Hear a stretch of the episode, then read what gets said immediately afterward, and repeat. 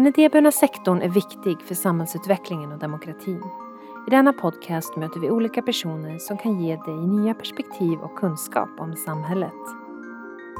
Hej och välkommen till dagens avsnitt med mig Rebecka Hagman, kommunikatör på Skyddsvärnet. När Jessica var 19 år och skulle ta studenten var hon otroligt förväntansfull och lycklig. Det hon inte visste denna stund var att hennes pappa skulle sitta häktad om bara några månader och hennes liv som 19-åring skulle vändas helt upp och ner. Idag är hon här för att berätta sin historia och dela med sig av sina erfarenheter som anhörig och hur det har präglat hennes liv sedan dess. Hej och välkommen Jessica! Tack så mycket! Hur mår du idag? Jo, men jag mår bra. Eh, vårsolen är ju här och det börjar bli varmare ute så man blir ju glad. Det är underbart. Hur skulle du presentera dig för någon som inte känner dig? Jag skulle nog säga att eh, jag är en dalkula från början. Eh, det kanske inte hörs. Jo, det hörs lite tycker det jag. gör det. ja. ja, i, när jag är i Stockholm så, eh, så tycker de att jag har jättegrov dalmål. Men i, eh, när jag väl är i Dalarna då är det så här, nej men gud vad mycket Stockholm ska vi ha eller så att det, det är aldrig liksom riktigt nog men jag svänger på dalmål då och då i alla fall. Ja men det tycker jag kommer igenom. Eh, Ja, ja men det, det är härligt. Eh, annars så eh, skulle jag beskriva mig som väldigt sprallig, glad, driven och också liksom peppande Mm. person egentligen. Och eh, jag har alltid gått mot mina mål ända sedan jag var liten egentligen och dans har drivit mig framåt på olika sätt. Eh, så att jag, annars är jag 28 år och eh, bor med min sambo i en litet eh, hus nere i Nyköping. Mm. Och just dans och destinationsutveckling är något som ligger mig nära hjärtat. Vad härligt det låter. Ja. Men till dagens ämne då som vi ska lyfta. Vi ska prata om anhörigperspektivet idag, vilket vi har gjort lite tidigare i den här podden också. Och bara för att inleda lite kort, du var ju 19 år när din pappa hamnade i fängelset och du ska Yes. få berätta den här historien och mer detaljer kring det här idag. Men innan vi går in på det tänker jag, varför väljer du att dela med dig öppet av dina erfarenheter som anhörig och vad, vad hoppas du uppnå med det? Anledningen till att varför jag gör det här idag är egentligen att få göra skillnad och höja rösten för mig som anhörig men också andra anhöriga. Och eh, det började ju då när pappa åkte in i fängelset när jag var 19 år och jag stod där helt utan hjälp eller någon som helst stöd eller hänvisning till en organisation som det här kan du kontakta eller här kan du vända dig och ta dig igenom det här utan jag fick absolut ingenting och eh, jag fick själv komma på efter jag hade spytt blod och blivit inlagd på sjukhus och sjukskriven som 24-åring att jag behöver hjälp på riktigt. Och eh, anledningen är egentligen för att kunna hjälpa 19-åriga mig själv och jag vet att det finns tusentals där ute som är som jag, liksom anhörig till en frihetsberövad. Var det här någonting du kände att du verkligen hade behövt när du hade det som jobbigast? Ja, precis. Det kändes som att jag var ensammast i världen med det här egentligen. Och jag hade inte hört någon liksom, historia eller kunnat träffa någon och prata om det här utan jag fick ju leva med mina egna känslor och den här situationen helt ensam och ta igenom det helt ensam. Men om vi går tillbaks då, du var 19 år, du skulle ta studenten, eller Ja. hur? Hur började det och hur fick du reda på allting? Ja, jag, hade ju, jag flyttade ju hemifrån rätt så tidigt egentligen. Det var när jag var 15 år gammal och, eh, eller jag hade fyllt 16 faktiskt. Det var det året. Men jag bodde i Dalarna i en liten by. Och eh, sen så sökte jag faktiskt gymnasiet här till, till Stockholm och eh, kom in på Fryshusets gymnasium. Och eh, där skulle jag satsa fullt ut på dansen. Och eh, dansen var ju min, min dröm liksom, mitt eh, kall i livet kan man säga. Och eh, jag fick uppträda i Globen och jag fick till och med uppträda för Fredrik Reinfeldt och 70 Säpo-vakter när de var på Oj. Fryshuset. Oj. så, ja, så det var Wow. mycket, mycket olika, alltifrån basketmatcher och, och liknande. Och sen så eh, tog jag studenten då och så fick jag förfrågan om att vara med i hiphop-EM i Slovenien med en dansgrupp från Uppsala. De behövde en inhoppare så jag var kanske med och tränade i två veckor eh, innan vi åkte och tävlade till Slovenien. Och eh, innan dess så hade det varit lite kärvt hemma. Eh, mina föräldrar under hela min uppväxt så har de bråkat till och från och liksom att de ska gå isär och sen så gör de inte riktigt det och så det är liksom fram och tillbaka. Och sen så hade min mamma då träffat en ny kille och då var det verkligen så här, nej men nu går de ju isär på riktigt. Och eh, min pappa hade väl insett det då för att han hade sett eller träffat på den här mannen då. Och eh, där så mådde han jättedåligt. Han eh, har ju diabe diabetes så att han tog ju liksom inte sin medicin och han sov inte på flera dagar även fast han försökte ta sömnpiller för att kunna sova. Så jag minns att innan jag flyger till Slovenien så pratar vi i telefon och det jag säger till pappa är att snälla pappa gör ingenting dumt. Sen så åker jag då till Slovenien, sen är jag borta några dagar och vi kommer på en plats topp top 20 eh, för Sverige och sen så kommer vi hem och eh, min syster då hämtar mig på, på Arlanda. Sen åker vi till Dalarna och hon, liksom, hon beter sig lite konstigt men jag reflekterar inte över det. Jag, jag är mest glad för att, mm. hur det har gått och för att jag är hemma. Och eh, det hon säger när vi börjar närma oss är att nej, vi åker till mamma först. Och då blev jag lite fundersam för vi skulle till pappa. Men eh, där så fick jag då veta när vi kommer väl fram till mamma så ser jag att hon är lite omplåstrad och både hennes kille då också. Eh, och då får jag berättat för mig då att eh, pappa sitter häktad. Var det här någonting du hade kunnat föreställt dig? Alltså om din pappa, att det hade kunnat ske? Nej, han, eh, han har verkligen inte gjort en fluga för när och det har varit de var liksom torghandlare mina föräldrar under min mm. uppväxt och väldigt eh, sociala, pratar väldigt mycket och är mm. glada och så. Min pappa liksom pratar med mm. allt och alla och jättesocial, bryr sig om andra människor och försöker hjälpa och sådär. Så det här kom ju som en chock för mig. Mm. Eh, verkligen. Och vad händer nu då, då? Du var ju mitt uppe i ett liv med fart och fläkt och, och det här hände. Ja, alltså när jag väl fick veta att han satt i häktet så var det ju som en chock. Det var ju ett svartsjukedrama som hade eskalerat så pass då. Eh, men alla klarade sig utan livshotade skador. Men det min mamma sa till mig just den dagen... jag var ju så chockad att jag fick ju liksom självmordstankar att jag nästan ville hoppa från balkongen för att det var en sån chock. Och jag, jag har ju alltid varit pappas lilla flicka under hela min uppväxt egentligen. Och eh, just när hon kramade mig och så viskade hon och sa att den enda som kan finnas där för din pappa nu är du.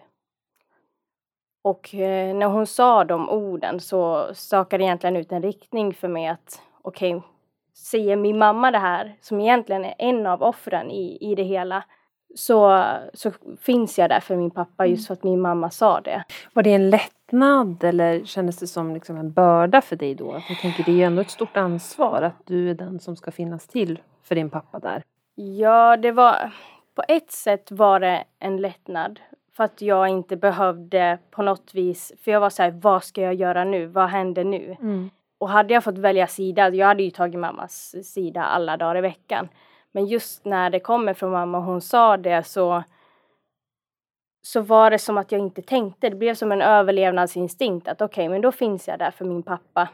Men eh, jag visste inte alls vad det skulle innebära. Nej. Du har uttryckt att man ofta pratar om förövaren eller om offret i de här situationerna och att det inte egentligen finns någon som direkt pratar om hur det är att vara anhörig mm.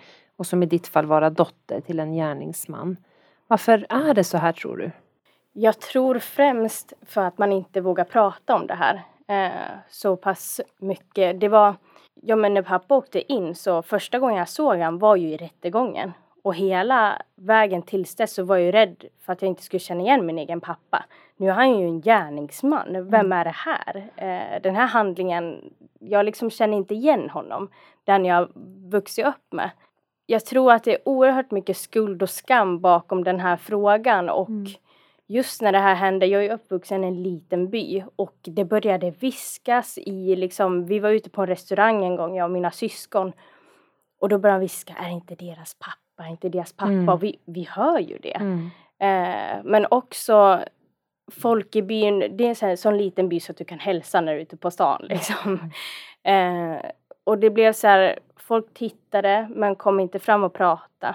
Och det var väldigt liksom spänd stämning på, på det sättet så att det blev att man tog på sig det här ansvaret nästan lite själv. Det kändes som att så här, är det fel på mm, oss du, Ni hade gjort något fel. Ja precis, mm. som att det är vi som har gjort något fel och det blev liksom ett merberoende mm.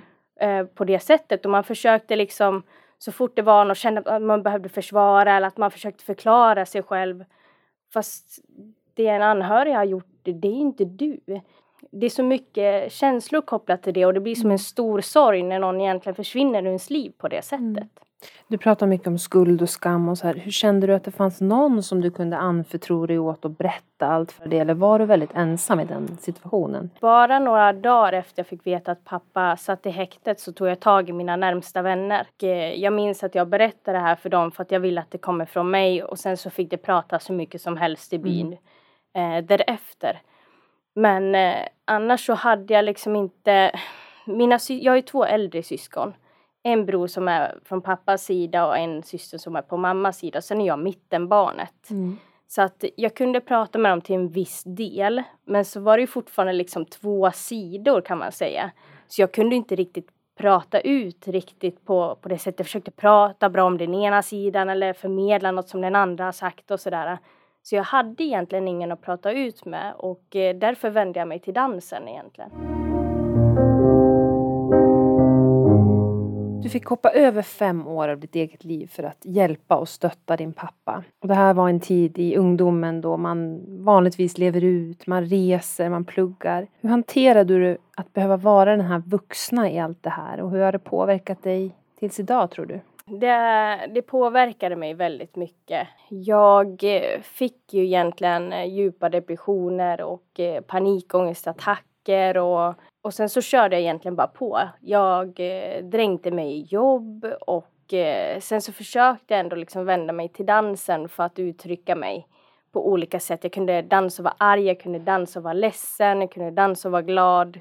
Men det kom ju ikapp en till slut mm. oavsett hur lång tid det tar och eh, det var ju då jag åkte till Thailand, ska vi se, när jag var 21 eller om, det var, om jag var 22 eh, för att få ett break ifrån allting. Då fick ju kroppen bara landa i allting och det var där som jag vaknade en morgon och så spydde jag blod. Och eh, därefter så blev jag inlagd på sjukhus då. Låg där i eh, två och en halv dag med liksom en slang ner från näsan ner till magen för att de inte hade tillräckligt med utrustning på det sjukhuset egentligen. Mm. Därefter så flyttade jag tillbaka hem till Sverige. Jag hade varit där ett halvår och sen så när jag var 24 så gick jag in i väggen helt och så blev jag sjukskriven då. Och det här var effekter av att du hade varit påverkad som anhörig så länge nu? Ja, precis och eh, speciellt också den ekonomiska biten egentligen. För just problemet i det hela är ju att när någon åker in i fängelset så finns det inga riktlinjer eller rutiner eller liknande. Så jag stod ju där och fick en fullmakt då på, på pappas alla grejer. Så det var ju både barndomshus, det var bil, det var räkningar som bara tickade på. Och det här låg på dig? Det låg på mig och jag var 19 år gammal mm. och jag fick ju ringa liksom till företag och bara men det här mobilabonnemanget kan vi frysa det eller kan vi se upp det eller mm. vad kan vi göra?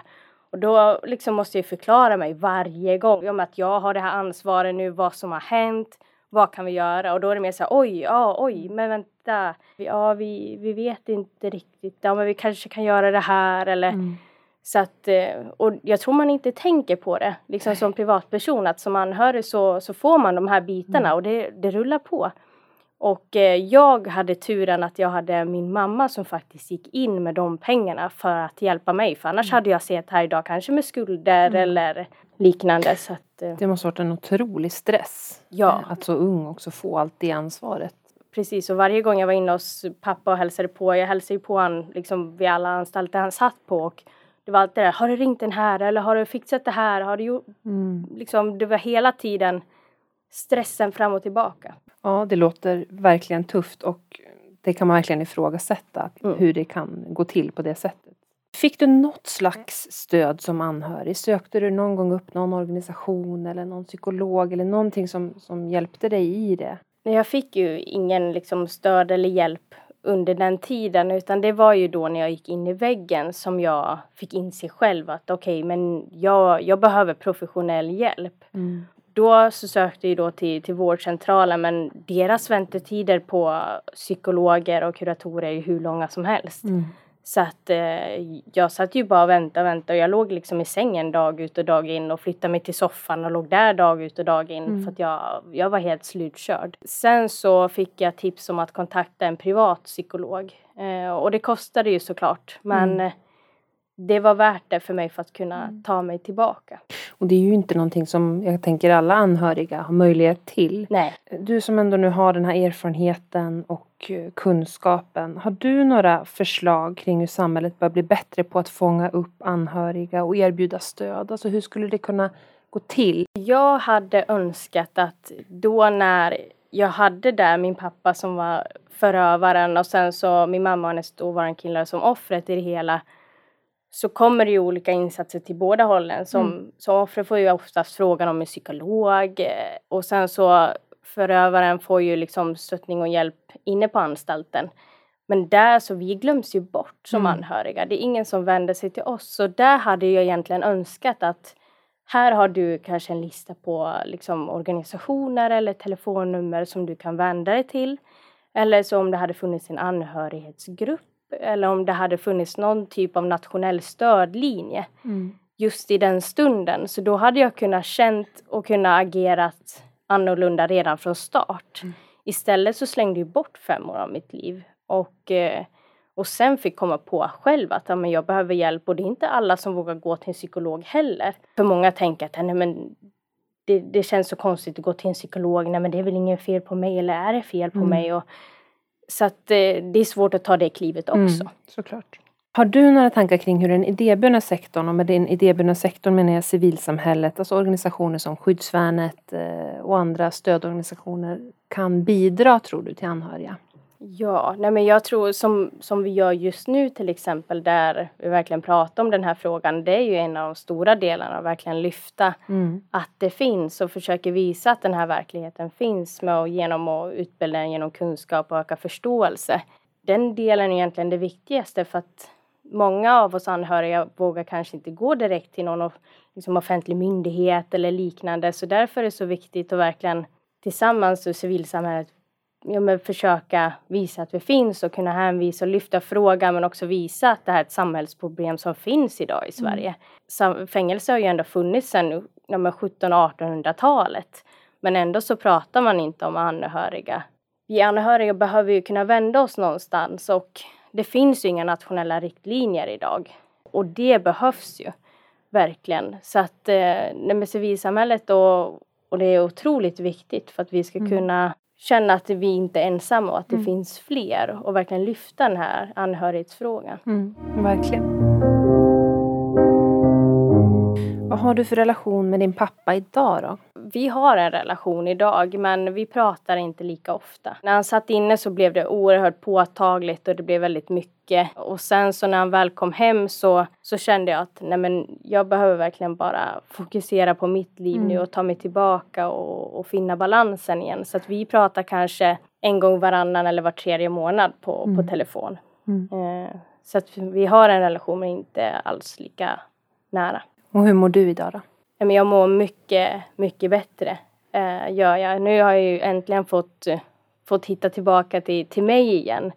Men också verkligen funnit den här frågan. Jag är, anledningen till alla val, livsval jag har gjort därefter har ju präglat egentligen från, från hur det är att vara anhörig. Men jag har aldrig vågat lyft fram det riktigt. Och eh, äntligen idag och sen egentligen 2020 förra året har jag verkligen tagit tag i den här frågan och insett att jag vill hjälpa andra och med det så krävs det också att jag går utanför min comfort zone och verkligen delar med mig öppenhjärtligt om vad jag har varit med om. För att det är inte så många som vågar eller orkar göra det. Nej, det tror jag verkligen många uppskattar också. På vilka sätt gör du det här? Och jag vet att du har en, en hemsida till exempel Ja. där du skriver. Precis, Mm. så hemsidan är ju jessicasstory.com och eh, där berättar jag både om min berättelse men eh, också samarbeten som jag har gjort. Så till exempel har jag gjort en intervju med BUFF, Mm. en organisation som är väldigt viktig och jobbar för, för anhöriga. Som också har varit med i den här Ja, podden. Mm. Precis, Madeleine Kettel där. Så att det, de är oerhört viktiga. Så där har jag gjort en intervju då. Och eh, sen så har jag skickat in material för min första bok. Och sen så har jag nu den 24 april min första föreställning som heter Dansen räddade mitt liv. Och då kombinerar jag min danspassion tillsammans med monolog. Wow, vad häftigt. Det är så viktigt för mig och den kommer sändas digitalt då. Men eh, därefter så har jag också ett arbete kopplat till en ljudnovell och eh, varit med i tidningsreportage och P4 Sörmland och sånt där. Så att det händer en hel Mm. del och det är viktigt och Ja. Helt fantastiskt. ja. Grymt jobbat ändå att du liksom har tagit dig dit. Verkligen. Tack snälla. Målet är ju att det ska komma nationella riktlinjer Mm. och att det ska kunna finnas mer pengar och stöd egentligen kopplat till både kommuner och så, så att man kan hjälpa anhöriga. För som, som Madeleine sa tidigare är ju att barnen bor inte på anstalterna utan de bor ju i våra kommuner. Mm. Vad vill du säga till någon som befinner sig i en liknande situation som du gjorde? Jag skulle nog säga att verkligen försök hitta stöd och hjälp i det som finns idag. Mm. Eh, tyvärr så finns det inte tillräckligt mycket.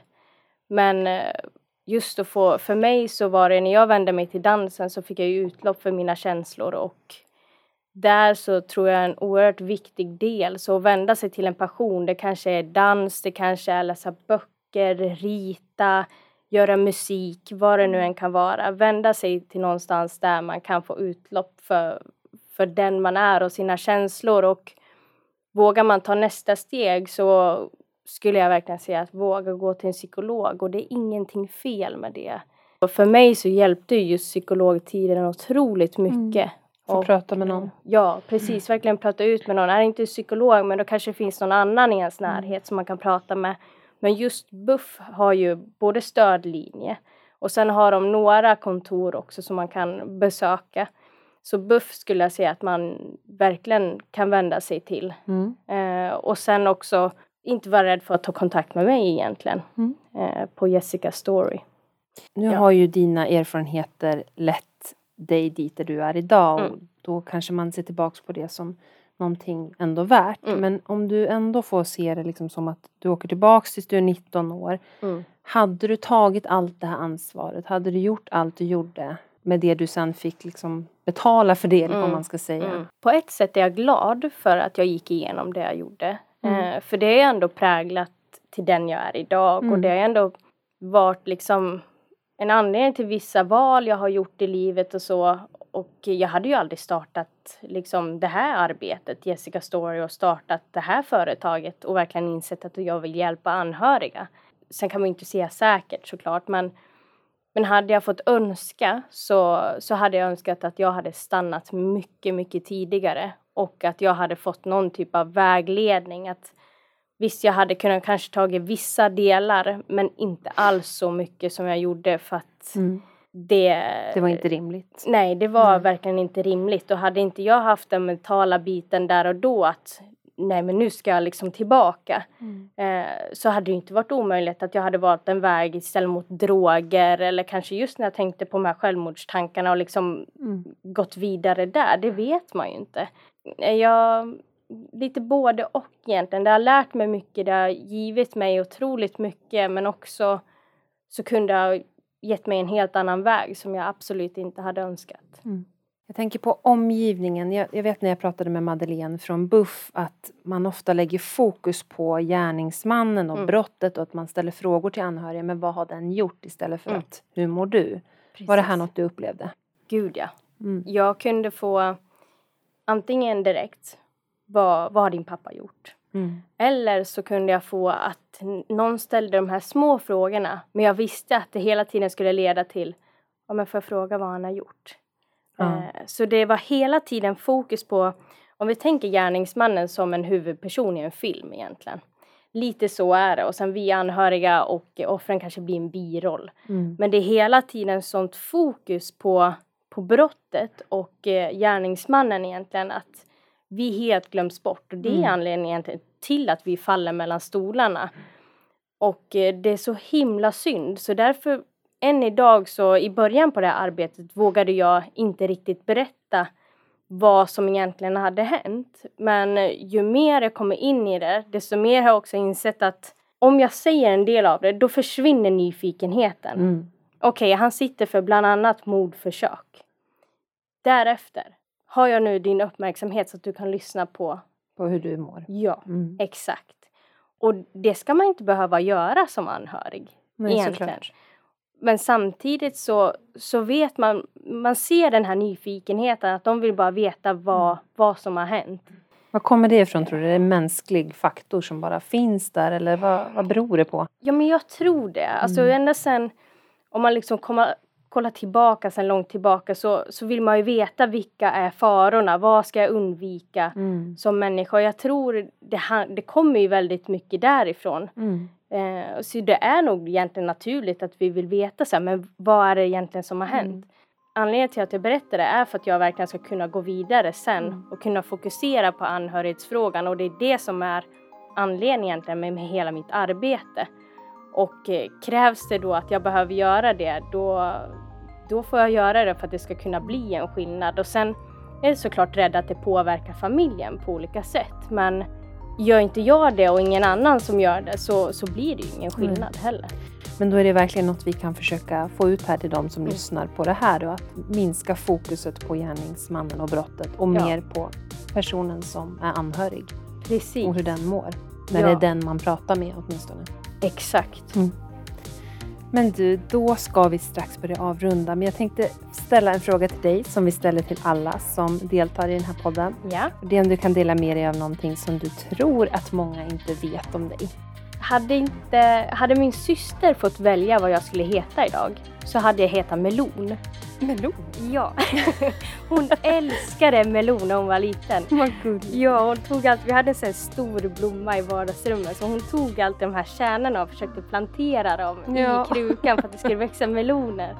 Och hennes förslag då var till mamma att jag skulle heta Melon. Och inte helt tokigt, var ändå ganska gulligt namn. Ja, men det blev inte Melon. Nej, nej det blev inte det. Men du Jessica, då vill jag säga stort tack till dig för att du kom hit idag och delade med dig av din otroligt viktiga erfarenhet och väldigt stora kunskap. Tack så hemskt mycket.